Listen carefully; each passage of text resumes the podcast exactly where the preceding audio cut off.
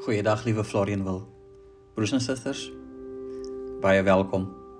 Dis weer Sondag, Sondag 1 Augustus 2021. En u ontvang nou die opname van die preek vir vandag. Eredienste het weer eens begin. Soos ons ons as gemeente het weer begin met ons bid hier in die kerk en so ook eredienste en enkele van ons werksamehede ons besef dat daar sterk opinies is oor die gevaar van die pandemie en daarom versigtig wees en wegbly van byeenkomste.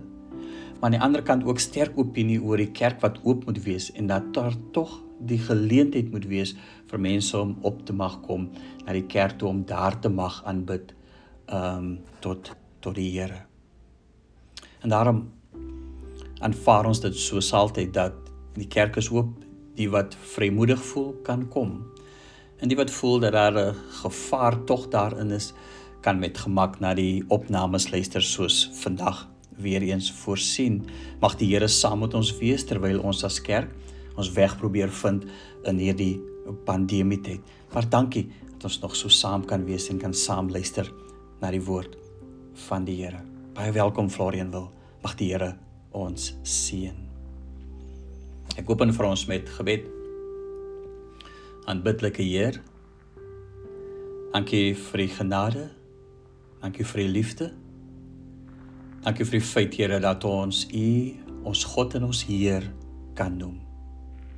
Stuur die lig Here, stuur u waarheid. Amen. Vriende, genade en vrede vir julle. En dit kom soos altyd van God wie ons Here is, van ons Here Jesus Christus en ook so van die Heilige Gees. Vanoggend is ons teksgedeelte vanuit die boek Efesiërs, Efesiërs hoofstuk 1 vanaf vers 3 tot 23. So effens van 'n langerige gedeelte wat ek wil lees vandag, maar soos altyd as ons die Bybel lees, is dit mos eintlik die woord van die Here. So ons kan daarna luister. Efesiërs 1 vanaf vers 3 tot 23. Ek lees vir vandag ook weer eens uit die 2020 Afrikaanse vertaling. As jy nie dit het nie, kan jy met gemak ook net in 'n ou Afrikaanse vertaling volg, 1953 of 1933. Die woord van die Here lees soos volg: Lof aan God. Lofwaardig is die God en Vader van ons Here Jesus Christus. Dit is hy wat ons in Christus geseën het met elke geestelike seëning in die hemel. So het hy ons voor die grondlegging van die wêreld in hom uitgekies sodat ons heilig en onberispelik in liefde voor hom sou wees. Nadat hy ons voorbestem het om ons deur Jesus Christus as sy kinders aan te neem soos hy dit volgens sy wil goed gedink het. Tot lof van die heerlikheid van sy genade waarmee hy ons in die geliefde begenadig het. In hom het ons die bevryding deur sy bloed die vergifnis van ons oortredings uit die rykdom van sy genade wat hy oorvloedig aan ons geskenk het saam met alle wysheid en insig Hy het die geheimnis van sy wil aan ons bekend gemaak. Soos hy dit goed gedink en in Christus voorgenem het om die volheid van die tye te bestuur en om alle dinge, die dinge in die hemel en die dinge op die aarde onder een hoof in Christus saam te bring. In hom is ons ook as erfgename uitverkies, voorbestem volgens die voorneme van die een wat alles volgens sy raad en wil laat gebeur sodat ons wat van die begin aan begin af ons hoop op Christus gefestig het, kan bestaan tot lof van sy heerlikheid. En hom is julle toe julle die woord van die waarheid, die evangelie van julle verlossing gehoor en tot geloof gekom het, verseël met die Heilige Gees wat beloof is. Die Gees is die waarborg van ons erfenis om ons los te koop as God se eiendom tot lof van sy heerlikheid vers 15. Die opskrif is voorbring en geloof uitspraak. Om hierdie rede, omdat ek gehoor het van julle geloof in die Here Jesus en julle liefde vir al die heiliges, hou ek nie op om God oor julle te dank wanneer ek in my gebede aan julle dink nie.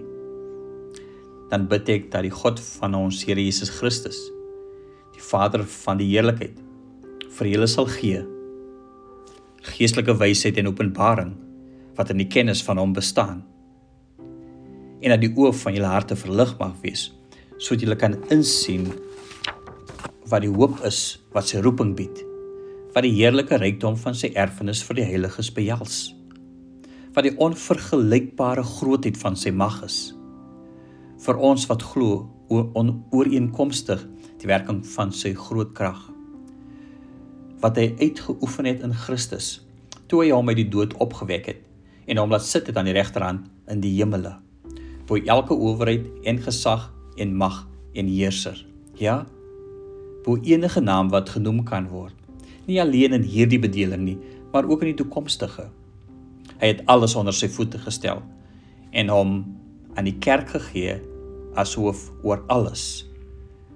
Die kerk was sy liggaam is die volheid van hom wat alles in almal vul. Tot sover die woord van ons Here. Broers en susters, asof die pandemie nie al gereeds alreeds genoeg moeilikheid van sy eie het nie, is daar ook die geloofskrisis wat dit teweegbring. Die gevolg wat dit eintlik moet hê is dat ons opnuut soek na die Here. Nie net vir sy seëninge nie, maar in tyd soos hierdie moet ons soek om die Here wie se naam ons bely en wie se naam ons dra om hierdie Here te verstaan. Verlede week het ons byvoorbeeld gekyk na die term dienskneg. En dis die term en dit is die naam wat Jesus Christus die seun van God dra. Maar Jesus Christus wie ook God en self Here is. En op daardie manier het ons tog geleer hoe die Here tog handel in hierdie wêreld. In 'n tyd soos hierdie is daar ook vele verkeerde interpretasies wat hier rond te doen. Laaste tye veral oor die merk van die dier. En wat dit eintlik is en wat mense sê dan is is dat dit die inenting teen die COVID-19 virus sou wees. Dis dis die merk. En dat jy daarmee saam so jou kunskap aan die Here prysgee, jouself tot verlorenheid verdoem en daarom geen kans tot redding hê nie. Openbaring 13 is die teksverwysing van van die merk van die dier wat niemand toelaat om te koop of verkoop nie. Soos altyd broers en susters. Die Bybel verklaar die Bybel. En ons kyk vandag na die boek Efesiërs om iets te verstaan van die handelinge van God in en deur sy seun Jesus Christus deur die kragvolle werking van die Heilige Gees. Terug na ons teksgedeelte verse 13 tot 14. Hierdie is 'n enkele sin in die oorspronklike Grieks. En hier word God geloof vir al die seëninge van die Gees wat daar in Christus Jesus aan ons gegee word. Die Bybel sê lofwaardig is die God en Vader van ons Here Jesus Christus. Dis wat hy ons dis hy wat ons in Christus geseën het met elke geestelike seëning in die hemel. God het ons geseën met alles wat ons nodig het. Kyk na die werkwoorde in hierdie teksgedeelte vers 13 tot 14. Geseën in verse 3, uitgekies vers 4, voorbestem vers 5, begenadig vers 6, oorvloedig aan ons geskenk vers 8, bekend gemaak vers 9, om saam te bring of te verenig in verse 10. As ek na enkele van hierdie werkwoorde kyk om te verstaan wat Paulus vir ons sê, dan kyk ons na dat ons in Christus Jesus geseën is. Op 'n besonderse manier met God self geseën is. Want in die middel van die verstaan oor wie God is, is Jesus Christus. En ons ken Jesus Christus deur die woord en daarom ken ons die Here self. Dit is waarmee ons geseën word. Die volgende ehm um, woord is uitgekies in genade uitgekies. Paulus sê voor die grondlegging van die wêreld gekies om heilig en onberispelik in liefde te wees. God kies ons nog lank voor ons daarvan bewus was, het hy ons sy kinders gemaak, gekies as sy kinders. 'n Volgende werkwoord in ons teksgedeelte voor bestem. Ons moet die intensie van God in hierdie woord sien. Is nie toevallig nie. Is nie toevallig dat ons sy kinders is nie. God het ons gekies voorbestem om verhouding met hom te lewe. Maar hoor ook die Engelse woord destin, destination op pad na die ewige lewe. Dis dus ook waarmee ons geseën word. 'n Volgende woord is oorvloedig aan ons geskenk. Dis 'n enkele woord in die Griekse teks. Maar dis ook een van die apostel Paulus se gunsteling woorde. Word 78 keer in die Nuwe Testament gebruik. Paulus gebruik 45 keer gebruik hy self hierdie woord. Wat wat is oorvloedig aan ons geskenk? Genade en guns. Maar die woord sê meer soos Johannes 1 vers 16 eintlik sê genade op genade vir die vergifnis van ons oortredings. Dit voel as as, as Paulus hierdie woord gebruik asof hy oordryf daarmee, maar dis presies wat dit is. Daar's 'n oorvloedigheid in dit wat God aan ons skenk. Ek stop vir eers hier met hierdie eerste gedeelte. En dis is baie duidelik dat ons besonder geseën is deur ons Heer Jesus Christus. Dit is duidelik dat God aan ons kant is. Nie teen ons is nie. Dit is duidelik dat God werksaam is in ons midde tot verlossing van ons as mense. Ons dink die hele tyd dat ons op soek na God is. Die waarheid is egter dat God op die rig na ons op soek is op grond van die seëninge wie ons in Christus is kan Paulus daarom nie anders as om ons gelowiges maar sê die ou vertaling en 2020 vertaling kan hy nie anders as om ons heiliges te noem nie verse 1 vers 15 en verder ten spyte van wie ons is van ons gedrag ons reputasie word ons heiliges genoem is Paulus se voorkeurnaam vir gelowiges vir ons, vir ons wat in Christus Jesus glo. As die apostel Paulus onkundig oor gelowiges en al hulle doen dinge glad nie. Ons is kinders van God, gered deur Jesus Christus en gevorm deur die Heilige Gees en daarom is ons heiliges. Deur God alleen, in God alleen. Ons is baie in die geestelike reëse nie moreel swak. En selfs ten spyte hiervan is ons heiliges. Laat ons nie vergeet nie as ons Efesiërs verder lees, dan weet ons dat ons opgeroep word om te groei tot hierdie volwasse mens in Christus. Maar vir nou, net eers hierdie versekering dat ons inderdaad deur God geseën is. En daarom kan ons saam met die apostel Paulus uitroep in die verse Lofwaardig is die God en Vader van ons Here Jesus Christus. Vers 14, die laaste vers, losgekoop as God se eiendom um tot lof van sy heerlikheid. Inderdaad alle lof en eer aan die Here vir sy uitverkiesing aan ons. Die volgende verse in ons teksgedeelte, vers 15 tot 23.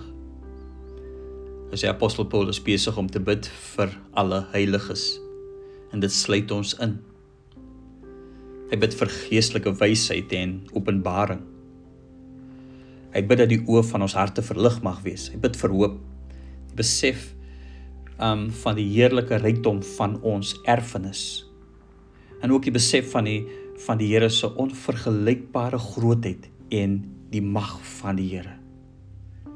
En al hierdie genoemde dinge waarvoor die apostel Paulus bid is moontlik deur Jesus Christus wat uit die dood opgewek gewek is en wat sit aan die regterhand van die van die Vader aangestel bo elke owerheid en gesag en mag en heerser vers 21 ja bo enige naam wat genoem kan word nie alleen in die bedeling nie maar ook in die toekomstige alles is onder sy voete gestel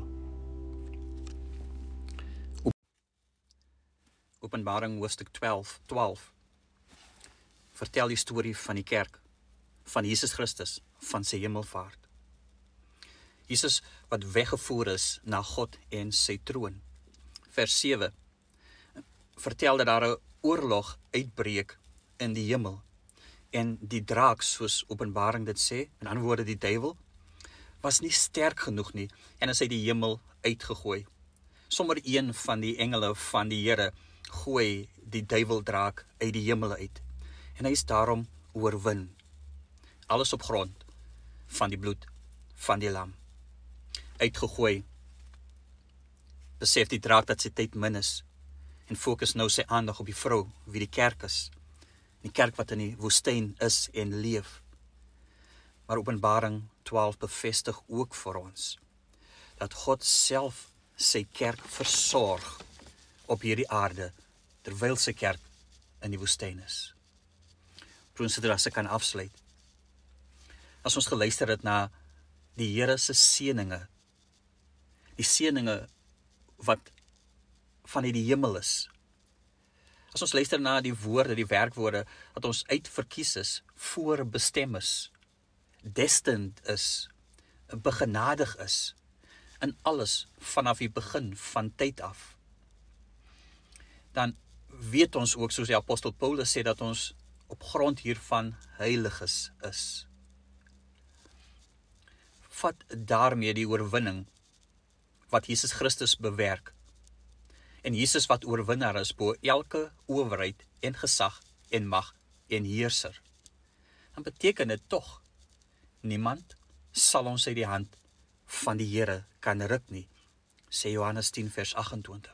Dan beteken dit ook dat geen magte ons van die liefde van God sal skei nie, sê Romeine hoofstuk 8.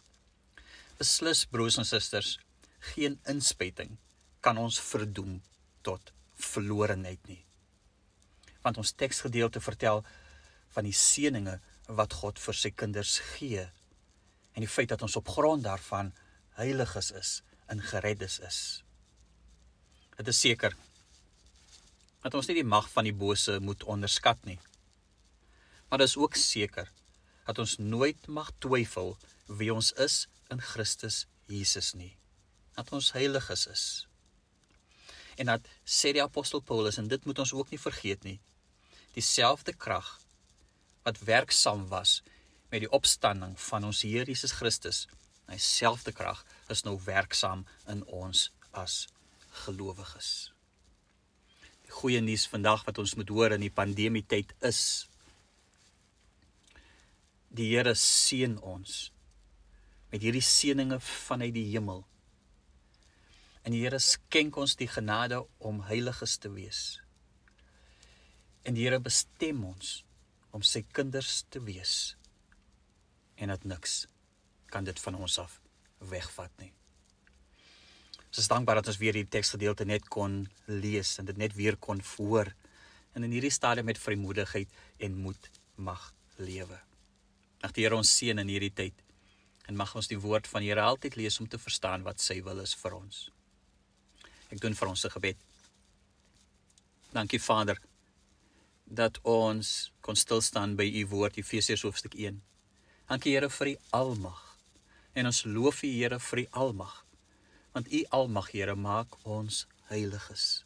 Selfs Here ten spyte van wie ons is. En hieraan Here hou ons vas met alles Here in hierdie tyd van die pandemie. Dankie Vader dat ons se kinders kan wees. Here in hierdie tyd kan ons nie anders as om voorbereiding te doen nie Here ons familielede is siek Here ons vriende Here raak siek en dit is ook waar Here dat bekendes of dit in ons eie familie of andersins is, Here, sterf steeds, Here. Maar Here, ons is veilig in U hand, Here. Altyd veilig in U hand, Here. Dankie vir die genade daarvan om U kinders te wees. Seën ons nou, Here, in hierdie pandemie tyd. Gee Here dat ons uiteindelik Here hoop sal behou. Dankie vir die genade. Ek vra dit in Jesus naam. Amen. Geliefdes, ek wens julle alles wat mooi is toe vir die res van die week. En ons is ook op die punt waar ons nou die seën van die Here kan en mag ontvang.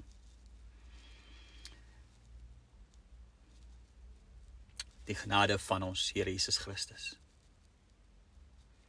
Die liefde van God. Die troos en bemoediging van die Heilige Gees is met elkeen van ons. En hierop sê ons almal: Amen.